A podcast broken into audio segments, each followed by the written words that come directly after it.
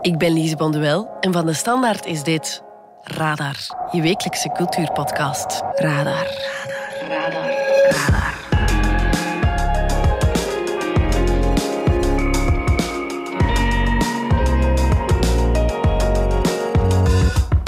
Normaal gezien hebben vooral muziekartiesten een rider. Dat is zo'n lijst met eisen voor, tijdens of na hun optreden. This is what we call a tour rider. Mariah Carey vraagt kennelijk 12 Labrador-puppies in haar kleedkamer. Can I please focus on the important things? En de rocksterren van Foo Fighters kleurplaten en liters aan verschillende dranken. And I go back to my hotel room and pee for an hour. Nu, iemand die ook haar eisen stelt bij interviews is de Amerikaans-Hawaïaanse schrijfster Hanya Yanagihara. Ze wil koud water altijd met ijsblokjes. cold green tea. Ze vraagt ook om een bepaald soort stoel. Ze moet een armleuning hebben. Die mogen niet te hoog zijn, want zij is vrij klein. Ze moet met haar voeten op de grond kunnen. En dat diva-gehalte is niet zo gek, want haar boek Een Klein Leven ging bijna 2 miljoen keer over de toonbank, was zelfs trending op TikTok. Obviously, I couldn't stop crying after chapter one. Three chapters to that part, I cried some more. I'm thinking there's no way it gets worse, but I'm sure it does. Can you tell how much I've liked it though? Samengevat, razend populair. Ik moet je dus niet gaan uitleggen dat de verwachtingen voor een nieuw boek hoog waren.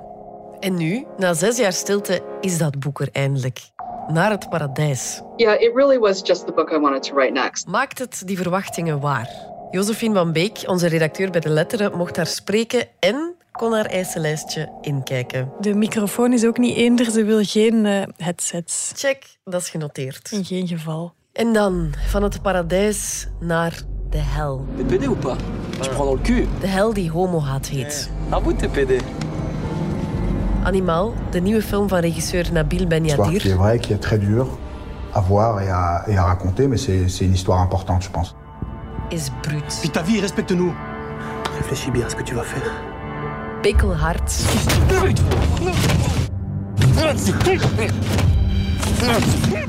Staat bol van het geweld y a plein de gens qui vont trouver le film insupportable. C'est fait exprès. en is jammer genoeg waar gebeurd. Mais imaginez-vous d'avoir fait un film sur la, la mort d'Issan Jarfi supportable. De film vertelt het verhaal over Isan Jarfi, een 32-jarige luikenaar die werd vermoord enkel en alleen omdat hij homo was. L'histoire est considérée comme le premier crime homophobe en Belgique. Het is een film die zwaar onder je huid kruipt. Niet alleen bij mij, maar ook bij theaterrecensent Philip Tieles. Ik was er ook echt niet goed van. van. Maar hij komt vertellen waarom je de film toch moet zien. Niet voor gevoelige kijkers en ook niet voor gevoelige luisteraars. Welkom bij Radar. Radar. Radar. Radar. Philippe Tieles, ik ben gisteren naar Animal, de film van regisseur Nabil Ben Yadir, in de cinema gaan kijken. En ik wist natuurlijk op voorhand dat het een eh, heftige film ging zijn. Maar ik ben daar, om eerlijk te zijn, nog altijd niet goed van. Ja, dat snap ik. Ja, in je recensie schreef je terecht, het spookt nog dagen door mijn hoofd. Ik heb de film in oktober gezien op eh, Filmfest Gent, waar hij in première ging. En ik was er ook echt niet goed van. Het is eh, een bikkelharde film eh, die in your face is. Ja. Maar heel beklijvend. Hè? Nabil Benyadir toont het geweld heel expliciet, met heel expliciete beelden. Dat is zijn bedoeling. Maar los daarvan eh, is het echt gewoon een uitstekend gemaakte film. Misschien zelfs wel de beste Belgische film van het jaar. Ook al zijn we nog maar maart. Oké, grote woorden. Het is een film die aan je ribben blijft plakken. Hè. Misschien komt die volgens mij ook wel zo zwaar binnen, omdat je weet... Ja, dit is geen fictie. Dit is gebaseerd op bikkelharde, waargebeurde feiten. Ja, de film vertelt het verhaal, lichtjes gefictionaliseerd, van de moord op Issan Jarfi. Issan Jarfi. In april 2012, dus bijna tien jaar geleden. Issan Jarfi kunnen we vooral kennen als iemand die gestorven is na lichamelijk geweld aan het station van Luik. De Issan was een 32-jarige luikenaar die ehm, op een avond in een, een gayclub in Luik was. En eh, hij raakt eh, ja, aan de praat met vier onbekende mensen in een auto. Naar verluid omdat hij een meisje lastig viel en hij wilde tussen beiden komen. Oh, les gars, je vous dis tout de suite, ça marchera jamais ça. Je connais un bar avec des filles. C'est ça que vous voulez, non En hij stapt in die auto om onduidelijke redenen. Naar verluid omdat ze hem gevraagd hebben om de weg te wijzen naar een andere club. En Issan is dan ingestapt. Tu faisais quoi alors là tu foutais devant ce bar Toi, tu nous embrouilles, moi, ça se voit. Quoi Maar in de auto, ja, die gasten waren dronken en high al, loopt het helemaal uit de hand. Hè. Ze ontdekken ook dat Issan homo is. T'es PD ou pas Tu prends dans le cul À vous t'es PD Ze beginnen hem te slaan, te mishandelen, te folteren. Hij wordt uitgekleed, eh, ze sluiten hem op in de koffer. Ze rijden er mee naar een, een plek ver weg van, van de stad, waar ze hem in de velden molesteren. Ze rijden met de auto over hem.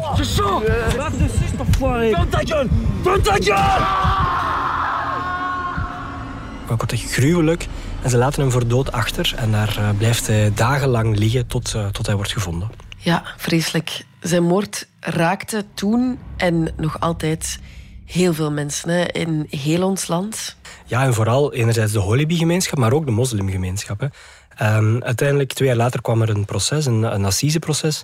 En zijn de, de drie daders zijn veroordeeld tot een levenslange celstraf voor homofobe moord. Hè. En de vierde dader die kreeg 30 jaar voor doodslag. En het was nog maar de tweede keer dat homofobie als bezwarend motief werd uitgesproken. Want het was nog maar een jaar opgenomen in de strafwet. Dus ook dat maakt eh, die, die moord op Issa Jarfi tot ja, een iconische, tragische gebeurtenis. Ja, toen we van de cinema naar huis wandelden, passeerden we toevallig eh, de muurschildering die ter nagedachtenis van Isan Jarfi is gemaakt. Een heel mooie eh, herinnering aan hem. Ja, heel kleurrijk eigenlijk, heel vrolijk. Ja. Maar natuurlijk zit er een tragisch verhaal achter. Die is er sinds mei 2018, een muurschildering ter nagedachtenis van Jarfi, maar ook eh, voor alle slachtoffers van discriminatie. En ehm, zijn vader, Hassan Jarfi, is een van de initiatiefnemers daarachter. Want die heeft na de dood van zijn zoon een stichting opgericht waarmee hij ijvert en acties onderneemt en ook op scholen gaat praten, in de hoop dat nooit meer iemand moet overkomen wat eh, zijn zoon Isan is overkomen. Ja. Le 20 avril 2012, c'était l'anniversaire de mon épouse et on attendait l'arrivée de mon fils le soir, mais il n'est pas rentré. Pour nous, c'est très douloureux, nous les parents, parce que chaque jour, nous vivons ce qui lui est arrivé. Ja, die woorden gaan door merg en benen. Je hoorde de vader van Isan Jarfi, Hassan Jarfi. Het is ook niet de eerste keer dat de moord op Isan Jarfi kunstenaars inspireerde. Hè? Nee, in 2018 bracht eh, theatermaker Milo Rauw het tragische eh, einde van Jarfi op de planken op het toneel in La Reprise, een bekroonde voorstelling. Pourquoi juste à ce moment-là, Issan est-il sorti de l'open bar Waarin ook een gedetailleerde reconstructie werd gemaakt van die fatale nacht en ook het geweld heel expliciet op het podium eh, werd getoond. Pourquoi est-ce qu'il est monté dans cette polo grise Pourquoi Issan devait-il souffrir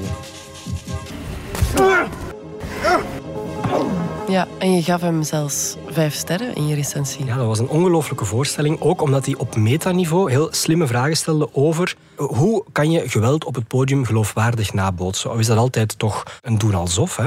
En ik denk wie, wie die voorstelling heeft gezien en de foltering daar al uh, ondraaglijk vond, die zal in Animal, in de film, waarin het nog uh, veel heftiger en een hyperrealistisch wordt getoond, het is ook een film, uh, ja, die zal dat al helemaal als een uh, stomp in de maag ervaren. Ja, het is echt uh, in your face. Hè. Er zijn momenten geweest in de film dat ik dacht... ik wil stoppen met kijken. ik, ik, ik heb daar met mijn trui over mijn hoofd gezeten. Al van in het begin van de film is de spanning echt te snijden. Ja, net als uh, La Reprise begint Animal een aantal uren voor de dood uh, van Jarfi op het verjaardagsfeest van zijn moeder. Salam alaikum. Joyeux anniversaire, petite maman. Oui, oui, oui.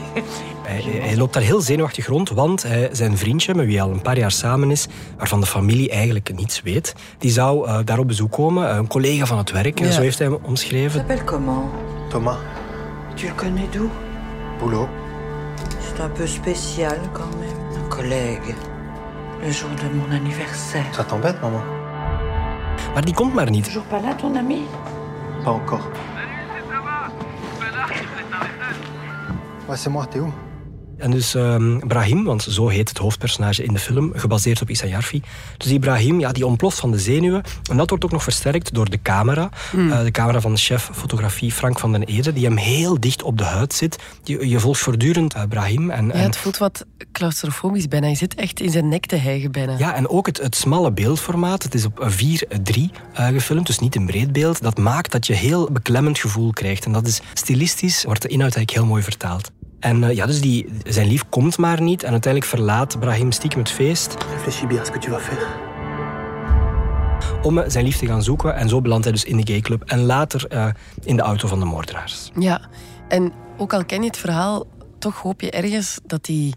Ja, ofwel niet in die auto belandt, of toch uit die auto zou kunnen ontsnappen. Ja, je, je weet de fatale afloop en toch blijf je inderdaad hopen dat het anders gaat. Maar ja, het is nu eenmaal gebeurd zoals het is gebeurd. Mhm. En uh, je zei, van het begin is de spanning al te snijden. Het is een heel nerveus uh, begin op het familiefeest, ook in die auto. En dan, ik denk, ja, bijna in de helft van de film, komt er voor het eerst een rustpunt, wanneer Brahim in de koffer zit opgesloten, naakt. En je blijft met de camera minutenlang bij hem, terwijl de auto verder rondrijdt. En dat is voor het eerst dat het beeld stilstaat.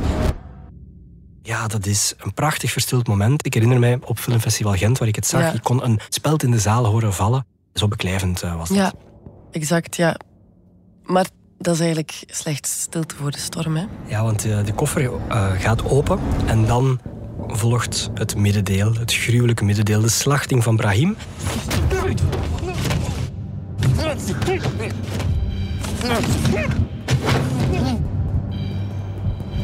En wat daar heel bijzonder aan is in de film, is dat dit volledig gefilmd is via smartphonebeelden.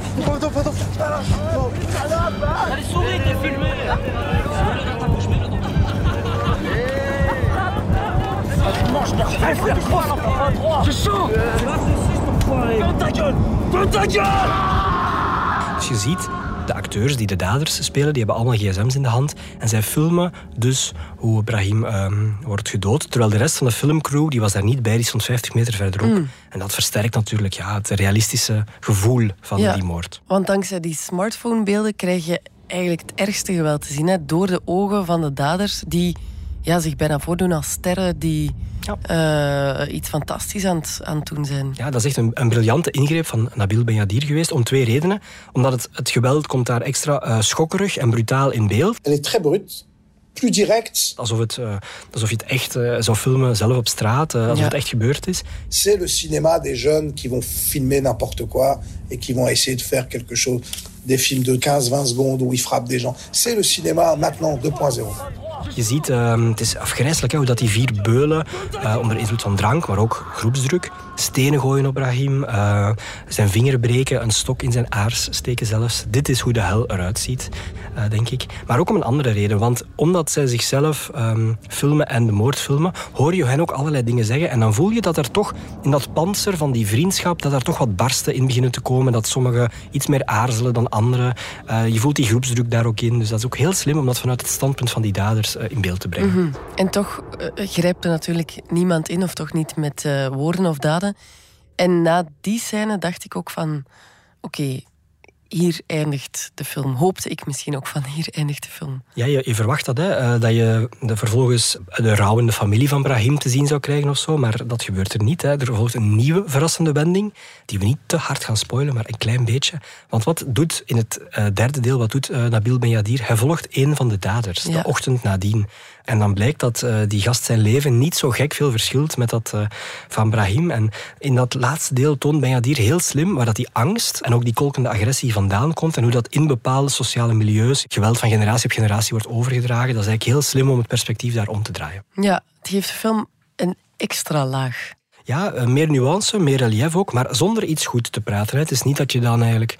Nee. Want die, die dader die toont ook weinig spijt. Maar je- daardoor krijg je ook eh, qua structuur iets eh, interessant. Want je hebt dus eerst het verjaardagsfeest, vervolgens de slachting en dan als derde deel die morning after. En je krijgt een triptiek. Je krijgt eigenlijk drie delen.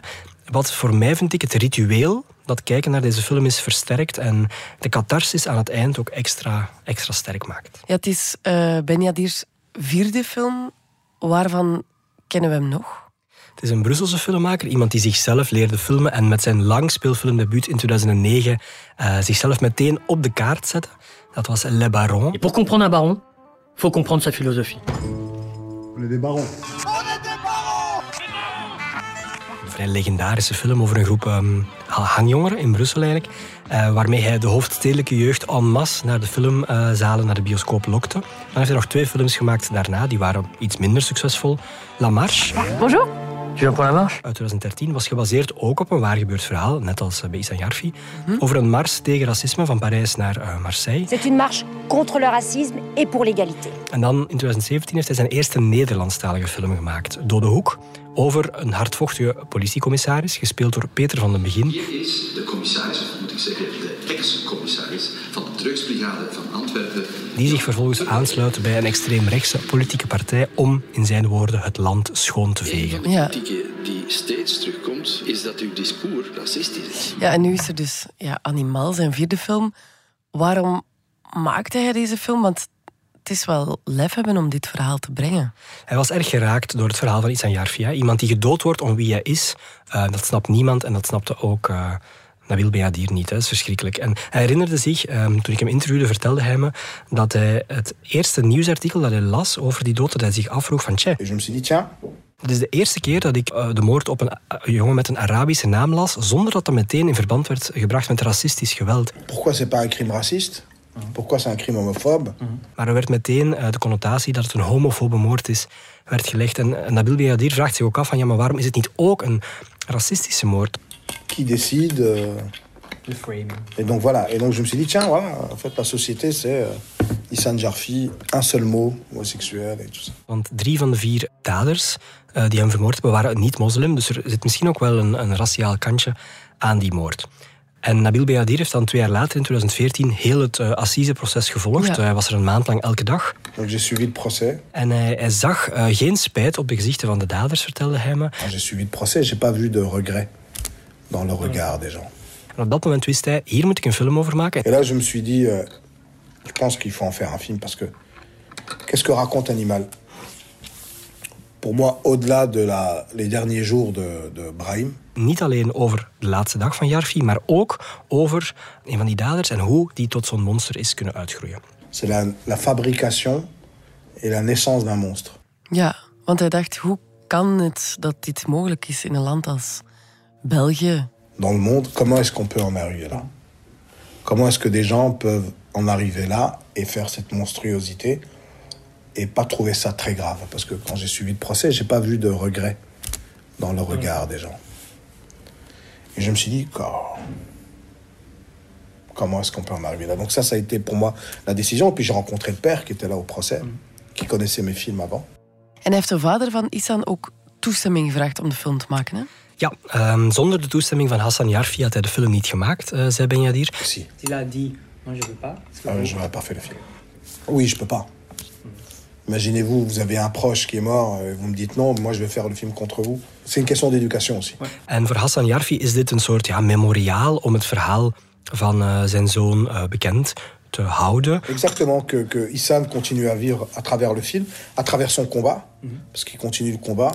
Il a une fondation, ouais. il a ouvert des refuges. Et donc je pense que lui, il est toujours dans ce combat-là, quoi. C'est sa vie, en fait. Om ook te tonen aan scholen, aan jonge mensen. Dus die staat helemaal achter de film, al heeft hij de film niet zelf durven bekijken. Ja. Hij heeft ook La Reprise, de voorstelling van Milo Rauw, niet durven zien. Waarom? Omdat hij zegt, ja, mijn zoon is al één keer vermoord, ik hoef dat niet nog een tweede keer mee te maken. En... Parce que son fils est déjà mort une fois, il va pas le retuer une deuxième fois. C'est horrible. Ouais. Trop dur pour lui. C'est impossible. Ouais. C'est impossible de... Et je comprends, hein. Je comprends tout à fait. Nabil Benadir heeft daar respect voor. Ja, heel begrijpelijk. Maar toch vond die vader het ook super belangrijk dat het geweld helemaal getoond werd uh, en dat het niet verbloemd werd. On était tous d'accord sur la violence. Il fallait montrer la violence et qu'on pouvait pas éviter la violence. Et ça, pour moi, pour lui, c'était très important. Mm. Et pour moi aussi. Ja, en het is ook zijn strijd om het verhaal of de strijd van zijn zoon verder te zetten. Hè? Ja, met zijn stichting uh, sinds de tien jaar dat hij dood is. Uh, is dat zijn levensdoel geworden om uh, te zorgen ja, dat niemand meer uh, het lot van Issa Jarfi moet overkomen. Ja. Het is denk ik voor de vader ook een manier om iets waar hij spijt van heeft, namelijk hij was op de hoogte van de seksuele geaardheid van zijn zoon, maar er werd nooit echt over gesproken. Voor die vader lag dat ook moeilijk. Hij werkte als islamleerkracht, was ook betrokken bij de moslim-executieven. Um, en dat was niet echt een klimaat waarin homoseksualiteit positief werd bekeken. Dus hij zat in een soort dilemma. En na de dood van Issa Jarfi heeft hij gezegd van ja, dat kan toch niet, liefde is liefde. En uh, ik ga ervoor strijden om ook binnen de islam homoseksualiteit uit die taboesfeer te halen. Ook vanuit een soort ja, persoonlijke spijt ten opzichte van zijn vroegere uh, mentaliteit. Si nous nous taisons, comme moi je me suis tu, comme moi j'ai caché que mon fils était homosexuel, eh bien mon silence est devenu un silence assassin. Il a conduit des personnes à se multiplier, à prendre le pouvoir, à devenir forts et au nom de la société, au nom du sens commun, agresser un homosexuel en attendant les applaudissements de la société. Waarom wou Benjanir dat geweld, eh, dat heel expliciet in beeld komt, brengen? Want dat is toch ook een heel bewuste keuze. Benjadir wil een film maken die de kijkers wakker schudt. En volgens hem kan dat alleen maar door de horror zo expliciet te tonen, omdat het ook in werkelijkheid zo'n gruwelijke, gewelddadige moord was. Mm -hmm. Hij zegt dat veel toeschouwers die film ondraaglijk zullen vinden, maar dat is zijn bedoeling. Parce qu'il y a plein de gens qui vont trouver le film insupportable. Mm -hmm. C'est fait exprès. Uh, beeld je in dat ik een film had gemaakt over de bekendste homofobe moord in België die draaglijk is om naar te kijken? Mais imaginez-vous d'avoir fait un film sur la, la mort d'Issan Jarfi supportable. Dan zou ik terecht het verwijt gekregen hebben dat ik het geweld had verbloemd. C'est impossible. En dat Ja. wilde hij niet. En ook ja, door het te filmen met die smartphones oogt het nog realistischer, nog bruter. En voor hem is dat een verwijzing naar de internetcultuur, wat hij cinema 2.0 noemt. C'est le cinéma maintenant 2.0. Hoe iedereen gewoon op straat eh, filmt, dat wil hij ook in de cinema brengen. En dat, dat maakt het nog extra ongemakkelijk om naar te kijken, omdat het zo realistisch oogt. Donc toute cette question de la représentation de la violence, de la construction narrative, de comment on va filmer la violence, pourquoi on va la filmer, tout ça, ça a été comme un, un cauchemar euh, permanent. Tu n'as jamais réfléchi de le faire, euh, le pouvoir de suggestion, de ne pas faire si explicite? Vous n'avez jamais réfléchi à, à prendre ce chemin? Oui, non, ça, je connais ce chemin-là, mais alors là, j'aurais raté ma cible. La cible, c'est-à-dire le target du public, c'est des gens qui trouveraient pas ça grave, ce qui arrive à Brahim. Hij wil met zijn film de mensen bereiken die eh, homofobe taal uiten. Want hij zegt, geweld begint altijd bij woorden. Of die misschien ook al eh, tot fysiek geweld zouden overgaan. C'est des gens qui ont accès à une violence brute sur Internet. C'est des gens qui, euh, qui sont peut-être homophobes ou qui sont racistes ou qui sont là. C'est pour moi mon public intéresse. C'est ça qui m'intéresse. Aller faire un film avec des gens qui sont d'accord avec moi, qui vont aller voir faire un débat avec des gens qui sont d'accord en me disant oui, c'est vrai, c'est dramatique, ça m'intéresse pas. Hij hoopt met die film die mensen te bereiken. Of dat gaat gebeuren, weet ik niet. De film is geweldig, maar misschien gezien het thema ook vrij niche. Maar hij doet heel veel schoolvoorstellingen met die film, waar hij zelf en de vader van uh, Isan Jarfi bij is om in gesprek te gaan met die leerlingen. En uh, dat gaat er vaak heel emotioneel aan toe. C'était super intense, ils ont pleuré et ils disaient que, tu vois, on a parlé de l'homosexualité. C'est des jeunes de quartier, d'Anderlecht, de Molenbeek, qui ont dit, moi, on peut pas faire ça à quelqu'un, différent ou pas, on peut pas. Et donc, c'est à réveiller ces émotions-là qui sont super importantes. Hij hoopt daar een mentaliteit te kunnen veranderen. Ja, maar eh, er komt geen enkele vorm van gerechtigheid, ook niet in de vorm van ehm, een arrestatie van de daders of die het eventueel toch lichter zou kunnen maken.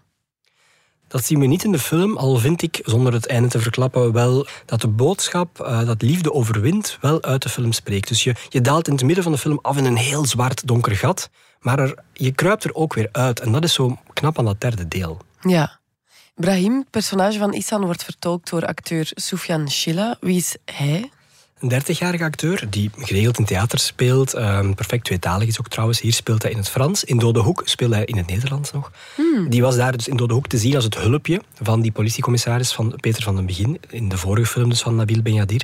Maar hier in Animal, ja, het is echt een glansrol hè, hoe hij het speelt. Zet Brahim neer met een grote gevoeligheid en ja, een enorme die nervositeit op het feest. En ook de angst in de auto en in de koffer. En je voelt dat echt, die zet het heel knap neer. Daarom is het wel vreemd dat Soufiane Chila geen interviews rond de film wil doen. Hij wil ook geen promotie voeren voor de film.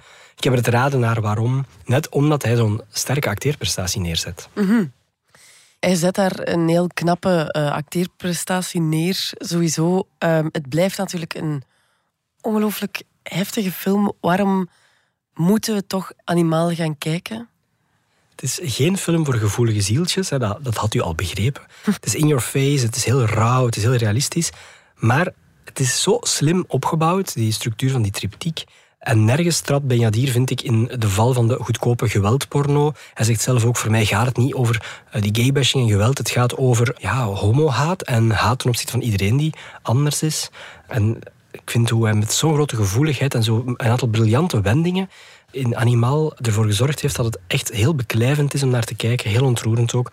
Alleszins een film, zoals je in het begin zei, die je de dag erna niet vergeet, maar ik denk weken of maanden later misschien wel nooit uh, nog vergeet. Nee, klopt. Ik heb zo'n vermoeden dat de beelden mij de komende dagen ook gaan blijven achtervolgen. Filip Tilles, ongelooflijk bedankt. Graag gedaan. Radar. Radar. Radar. En we gaan er even tussenuit, want we willen jou graag uitnodigen voor het volgende. Podcasts zijn hot. This, is welcome. En nu ook live. Op het podcastfestival van de Standaard en Oostende. Op 1 en 2 april in Cursaal. Met talks, luistersessies, live-opnames en internationale namen. Zoals Brian Reed van het roemruchte ESTA. The Daily van de New York Times. BBC Newscast. De Deventer Mediazaak. Welcome to the AA. Topdokters, Coolcast en veel meer. Luister samen en hoor meer tijdens het DS Podcast Festival. Een tweedaags feest voor je oren. Info en tickets op dspodcastfestival.be. En dan van de loodzware hel naar het paradijs. Of dat is toch tenminste wat de titel van het boek waarover we gaan praten doet vermoeden. Radar. Josephine van Beek, jij sprak met Hania Yanagihara over haar nieuwe boek Naar het Paradijs. Hoe was dat? Want die vertelde al dat ze best een uitgebreid eisenlijstje had. Kwam ze ook over als een diva of, of als een ster? Nee, totaal niet. Uh, ze kwam binnen en ze excuseerde zich meteen voor de uh, casual kledij die ze aan had. I'm sorry, I'm so casually dressed. Ze had een gemakkelijke broek aangetrokken omdat ze meteen na het interview op de trein naar Amsterdam moest. She's about to get on the train. I'm, I'm very lucky that you were able to squeeze no, me in. Course, I know your program is very busy. Nee, ze, was, ze was heel vriendelijk, wel afstandelijk. Uh, het is moeilijk om haar te leren kennen, maar ja, heel sympathiek. Ja. Want ze is eigenlijk wel ja, echt een fenomeen geworden. Hè? Dankzij haar vorige roman Een Klein Leven.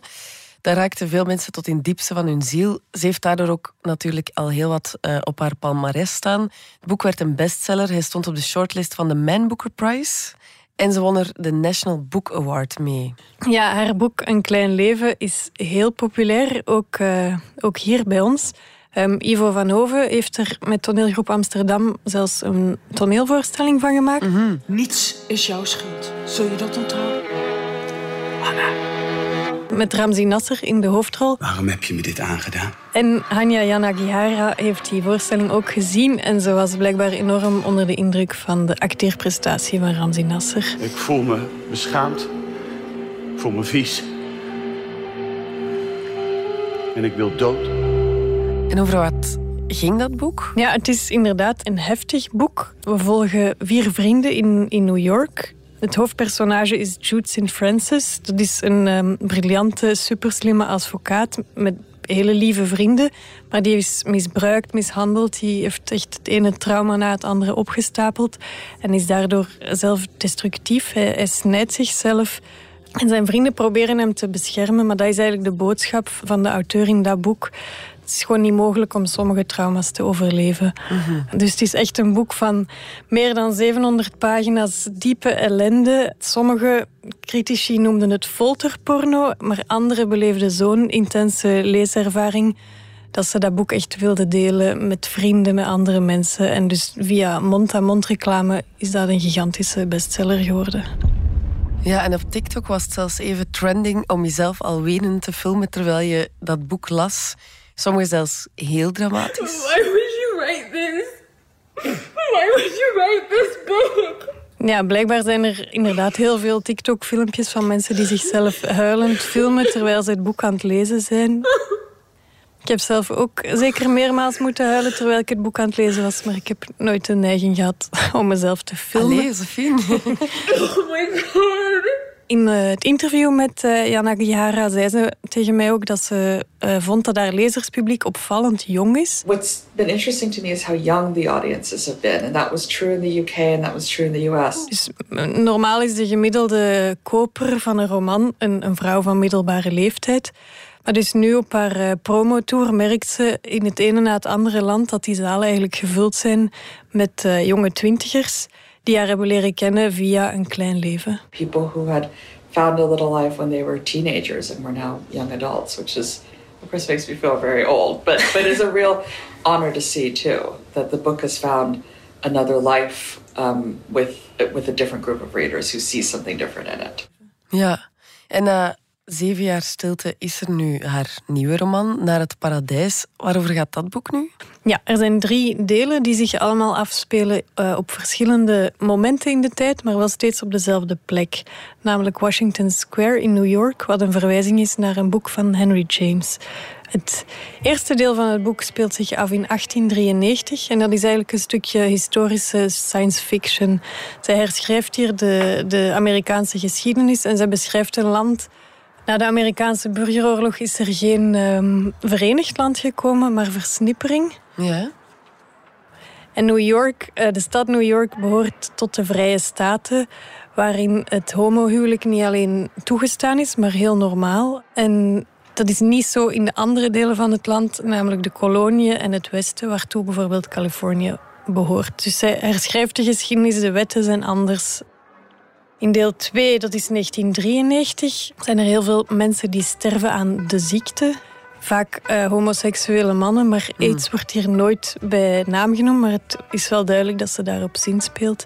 En deel 3 is dan het langste deel van het boek. Dat is uh, de toekomstige dystopie, die ons hopelijk niet te wachten staat in uh, 2093 ja, wordt Amerika totaal geteisterd door verschillende pandemieën en uh, New York is een totalitaire dictatuur geworden. And then we go on to a totalitarian dystopia. Mm.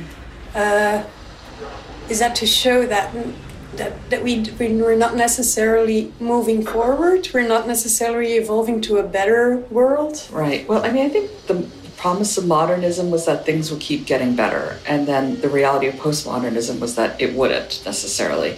But I think that the books, the book as a whole, is engaged in the idea of nation building and how nation building is not a linear line. It is something that takes a lot of stops and starts um, and can be destroyed quite quickly. En is er dan een uh, parallel te trekken met, met corona nu? Het is eigenlijk geen uh, coronaboek, in tegenstelling tot wat je zou denken. Uh, maar Yanagihara is al in 2016 aan de research begonnen en was zelfs bijna klaar met de structuur van het boek toen de pandemie bij ons uitbrak. I have been working on an embryonic form of what would become this book in 2016 in, terms of just thinking about ideas and, and concepts and themes. Helderziend bijna. ja, een beetje wel, al, al wil ze daar zelf zo niet te sterk op focussen. Zij wilde gewoon uh, bekijken in haar boek wat het met de maatschappij doet als het in crisis is. The real spark, I think, that sense of urgency was provided after Trump's Muslim ban in early 2018. Donald J. Trump is calling for a total and complete shutdown of Muslims entering the United States. And the idea of really thinking more seriously about America's central mythology, this idea of the country as a paradise, uh, and how had we misunderstood that mythology the entire time because a paradise obviously is meant to keep people out, not allow people in and then that idea gained a certain amount of, of, of, of immediacy for me. I think part of it was that, you know, I felt so helpless as, as a citizen.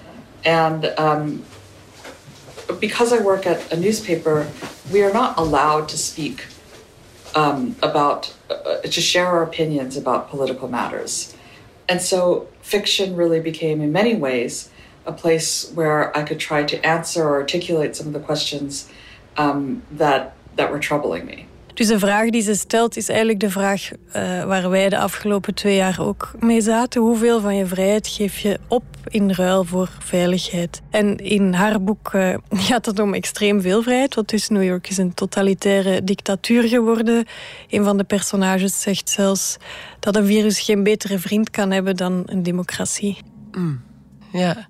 En je zei me dat je zelfs twijfelde over het feit um, of ze al dan niet antivaxer was. Ja, in dat laatste deel wordt zo gefocust op veiligheid versus vrijheid. En, en um, ja, het is natuurlijk, het klinkt mooier om, om te willen kiezen voor vrijheid. Dus dan kies je ook voor minder inmenging van de staat. Op sommige momenten leek het inderdaad alsof zij uh, tegen die inmenging van de overheid was. Yes, and yet sometimes a government has to make a decision. They have to make it very fast, as they do in the times of war, they do in the times of great illness, and they have to make a. You want, you hope they're making a good faith guess or a good faith faith bargain, um, but only history tells you whether what the consequences of that decision were. Een van de dingen die, die interessant waren tijdens corona, en dat, dat zei zij zelf ook, heeft ze ook gemerkt, is wat zo'n virus doet met, uh, met vriendschappen. It, I think people really crystallized the kinds of relationships that matter to them, and and they did make choices. The, the, the sort of theoretical questions when asked, you know, oneself, you know, if something really bad happened would I be there for, who would I be there for in my life? suddenly you had the answer. And I think there were a lot of um, romances, and I mean that in the larger sense, not necessarily the erotic sense, were shattered in that period. Want dat komt ook duidelijk naar voren in het boek. Uh, mensen sluiten de rangen. Ik zal een stukje voorlezen dat een personage in het boek zegt. Dat mooie fabeltje dat we onszelf vertelden toen we jonger waren, dat onze vrienden net zozeer onze familie waren als onze partners en kinderen, bleek tijdens die eerste pandemie een leugen te zijn. Degene die je had uitgekozen om je leven mee te delen, bleken toch degene te zijn van wie je het meest hield. Vrienden waren een luxe, een extraatje, en als je je gezin kon beschermen door die vrienden de rug toe te keren, dan deed je dat zonder pardon. Dus hier komt ze eigenlijk in dit boek helemaal terug op wat ze in een klein leven beschreef als die vriendschap, uh, vrienden als gekozen familie. Dus dat is uh, ja.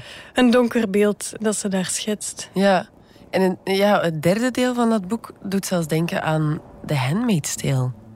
Ja, klopt. Dat is um, zoals in, in elke dystopie heeft de auteur hier ook eigenlijk problemen die we nu al hebben doorgetrokken in het extreme. Dus uh, er is de klimaatopwarming die in het boek zorgt voor uh, extreme hitte. Mensen hebben soms een koelpak nodig uh, om buiten te komen. Het voedsel is gerantsoeneerd, dus mensen krijgen bonnen van de overheid en die kunnen één keer per maand melk maar halen.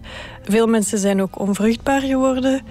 Uh, en de staat is dus een dictatuur geworden. En net zoals in The Handmaid's Tale zijn er ook overal spionnen. In, bij Edward heette die Eye, denk ik. Ja. Eyes.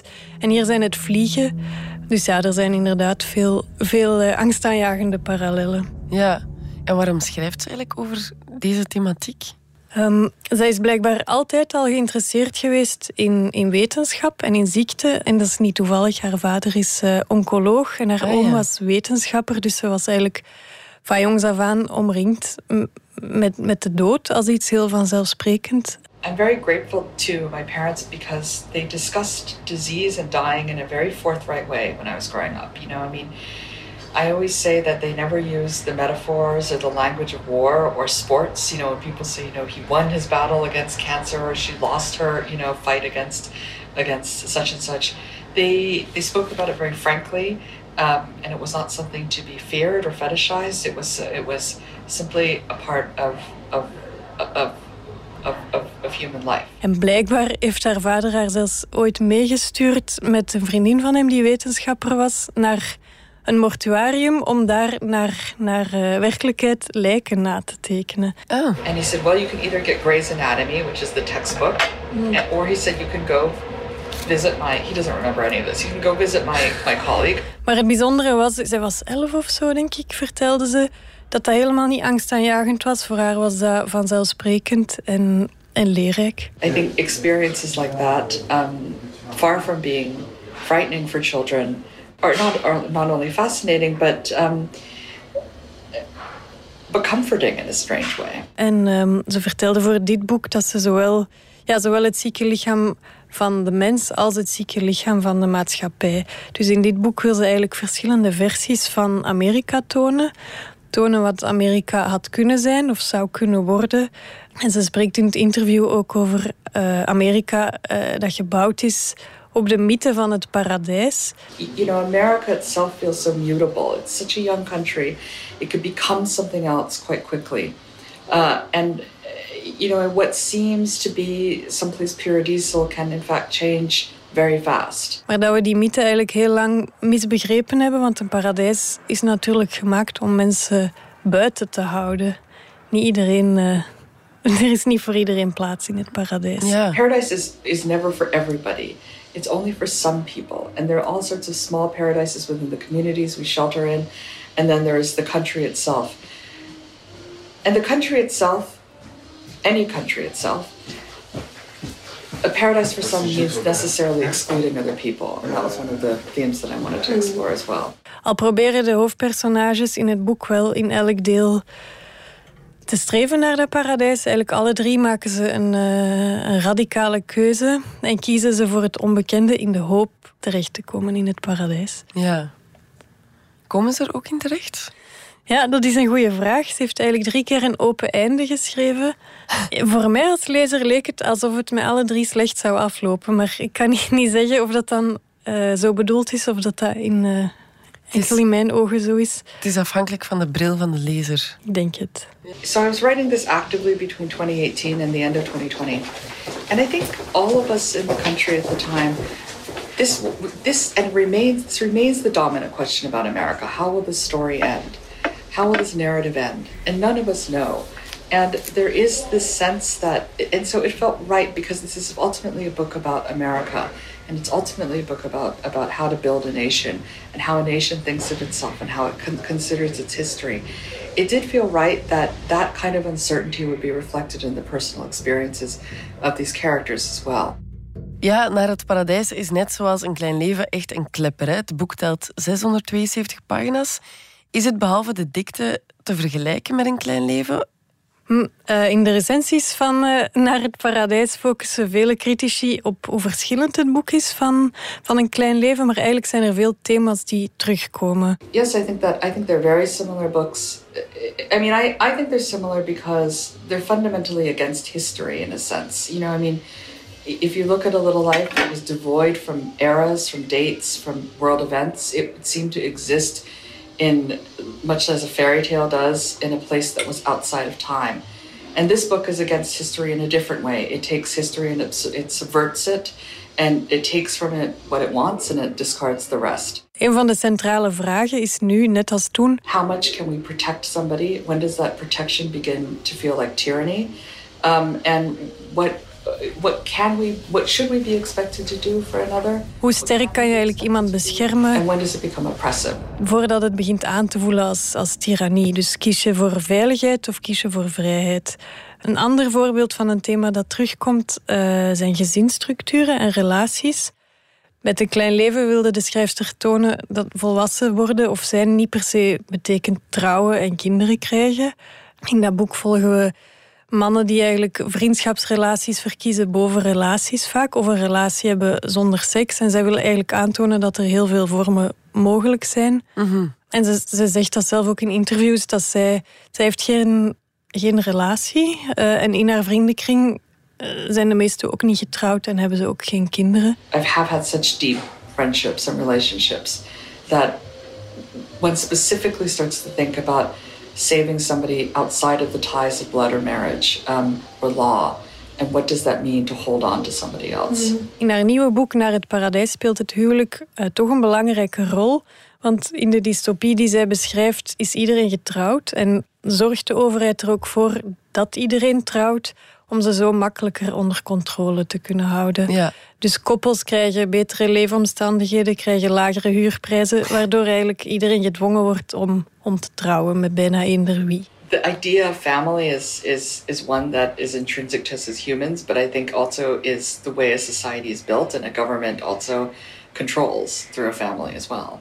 I mean, we see that whenever there's a conflict, that um, and, and the greatest one of the greatest kinds of trauma is the splitting up of that family. In Naar het Paradijs uh, is er ook geen enkel hoofdpersonage dat opgroeit bij zijn ouders.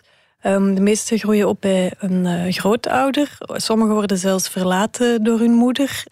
Uh, en Jana Gihara vertelde me in het interview dat zij als kind ook op zoek ging naar ouderfiguren in andere volwassenen. I did always have, throughout my life, um, parental surrogates, you know, teachers and um, and family friends who um, became like parents to me. En dat was in, in haar geval helemaal niet omdat ze een slechte band had met haar ouders. Ja, gewoon omdat ze extra input wou. En ze zei dat dat ook zo fijn was aan haar ouders, dat die zich daar niet bedreigd door voelden, dat die dat toelieten. And my own parents were very generous about that. They weren't threatened by that. They um, they didn't try to draw me closer. They thought it was a healthy thing, and they um, and it was a meaningful thing to have other adults in my life. And so, in het interview zei ze ook one of the things that, I dat ze hoopt dat het boek, book, um, mensen op een andere manier doet nadenken over wat ouderschap is. Encourage people to think about is a different idea of what parenting is. You know. Denk je dat dat het paradijs ook zo'n hit wordt? Ik denk het eerlijk gezegd niet, om, omdat de grote kracht van een klein leven um, die menselijkheid was en het meegaan in het leven van die vier vrienden en dan vooral van die Jude. En ja, die, die huilende TikTok-filmpjes bewijzen het ook. En mensen worden er helemaal door meegesleept. Die zitten helemaal in de wereld van het boek. En dat is nu toch iets moeilijker Ja. met, die, met die drie delen in verschillende tijden. Ehm, het is iets eh, afstandelijker geschreven ook. Ikzelf heb in het eerste deel wel nog, nog heel sterk meegeleefd met het eh, personage en gedacht, nee, doe het niet, doe het niet. Eh, en dan deel 2 begon het achteruit te gaan en dan het derde deel in die, in die dystopie eh, ja, was ze mij eigenlijk helemaal kwijt. Dan kan het je niet meer schelen wat er met de personages ging gebeuren. Nee, eigenlijk niet. De, die wereld die ze beschrijft is zo steriel, maar het is ook bijna op zo'n steriele manier geschreven dat, dat je niet echt meeleeft. En het is een beetje moraliserend. Komt ook nog bij dat Yanagihara sowieso een schrijver is die je leest voor het verhaal en niet voor de stijl. Dus stilistisch valt er weinig te beleven, maar dan, ja, dan moet het verhaal wel echt heel sterk zijn. Mhm. En dat viel dus een beetje tegen. Dus eh, ik, ik vrees dat ze al die jonge lezers weer zal verliezen, maar ik, ik hoop het natuurlijk niet, want het is fantastisch dat ze zoveel tieners en, en twintigers aan het lezen heeft gekregen. Ja, je hebt het boek eigenlijk ook maar twee sterren gegeven, hè? Ja. Voor de moeite. Ja, het is, ja, het is natuurlijk wel een indrukwekkend opzet. Maar in mijn ogen, wat, wat een episch boek had moeten worden over, over de grote vragen van deze tijd, is gewoon een beetje saai. Ze neemt je dus niet per se mee naar het paradijs. Het boek ligt in ieder geval in de boekhandel Josephine van Beek. Dank je wel. Dankjewel.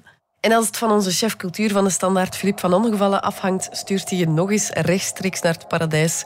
Of dat is toch wat een concertzaal volgens hem wordt als Noordkaap er staat. Dit is zijn suggestie van de chef. De suggestie van de chef. Ik ben in de AB in Brussel naar het reunieconcert van Noordkaap geweest. En dat zou ik eigenlijk iedereen willen aanraden. Ik heb die vroeger heel vaak gezien. Ik heb ze nog nooit gezien in zo'n goede omstandigheden als nu. Dat kwam omdat er zoveel oude mensen voor mij stonden die daar voorovergebogen stonden op hun rollator. Dat ik eigenlijk echt wel een goed zicht had op het podium. Grapje, nee. Allee, ja, er stonden natuurlijk wel vooral oudere mensen in de zaal, omdat nu ook eenmaal 22 jaar geleden is dat Noordkaap zijn laatste concert speelde. Ook in die AB trouwens.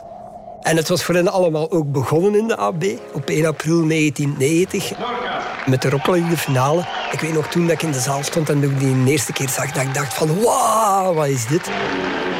Ik ben eigenlijk altijd fan gebleven. In diezelfde finale zat ook Gorky.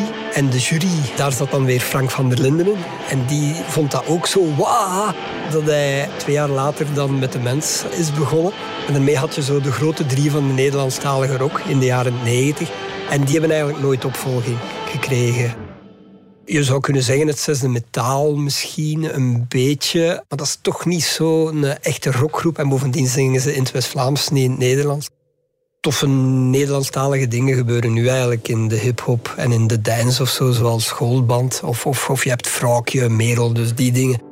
Noordkap had eigenlijk wel een unieke sound. Lars van Bambos, die echt wel een van de betere, of zo niet de beste gitarist van zijn generatie was, heeft voor het eerst sinds lang dus ook weer gitaar gespeeld. Die was er al lang mee gestopt, of toch op een podium. En dat was zo fijn om nog eens aan het werk te zien. Dan de combinatie met de stem van Stijn Meuris en ook zijn Nederlandstalige teksten, dat stond er wel. En zo stonden ze er nu afgelopen zaterdag in de AB eigenlijk nog steeds. Iets ouder, iets grijzer of iets minder haar. Het werkte wel nog altijd heel goed. Ze begonnen met het liedje Het komt voor in de beste families. Alsof dat ze zo wouden zeggen van, ja, in die tien jaar hebben we zoveel ruzie gemaakt. Eigenlijk was het allemaal over. Eigenlijk zijn we familie. We zijn terug nu. En zo klonken ze dus ook echt wel als een hecht blok. Arme Joe hebben ze natuurlijk nog wel eens gespeeld. Het liedje waarmee ze in de tijd doorgebroken zijn. Ja, en dan ja, noemen ze allemaal maar op. Hè. Hun hits eh, Druk in Leuven, Panamarenko. Satelliet Suzy. Wereld is in ruzie. Gigant, dat nog steeds een eh, dreun van je welste was. En ook wel eh, minder bekende liedjes, zoals Dat het gauw winter wordt, uit de soundtrack van Manneke Pis. Ik denk dat ze alles samen een kleine anderhalf uur zullen gespeeld hebben.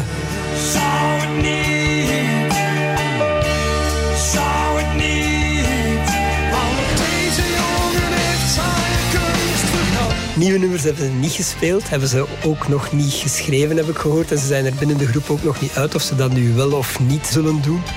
Vanavond spelen ze opnieuw in de AB, maar dat is volledig uitverkocht, zeg ik al. Volgende week zaterdag doen ze het nog eens. Daar zijn wel nog een paar tickets voor beschikbaar. En dan zie ik dat verschillende organisatoren ook al bekendmaken dat ze deze zomer op een festival zullen staan.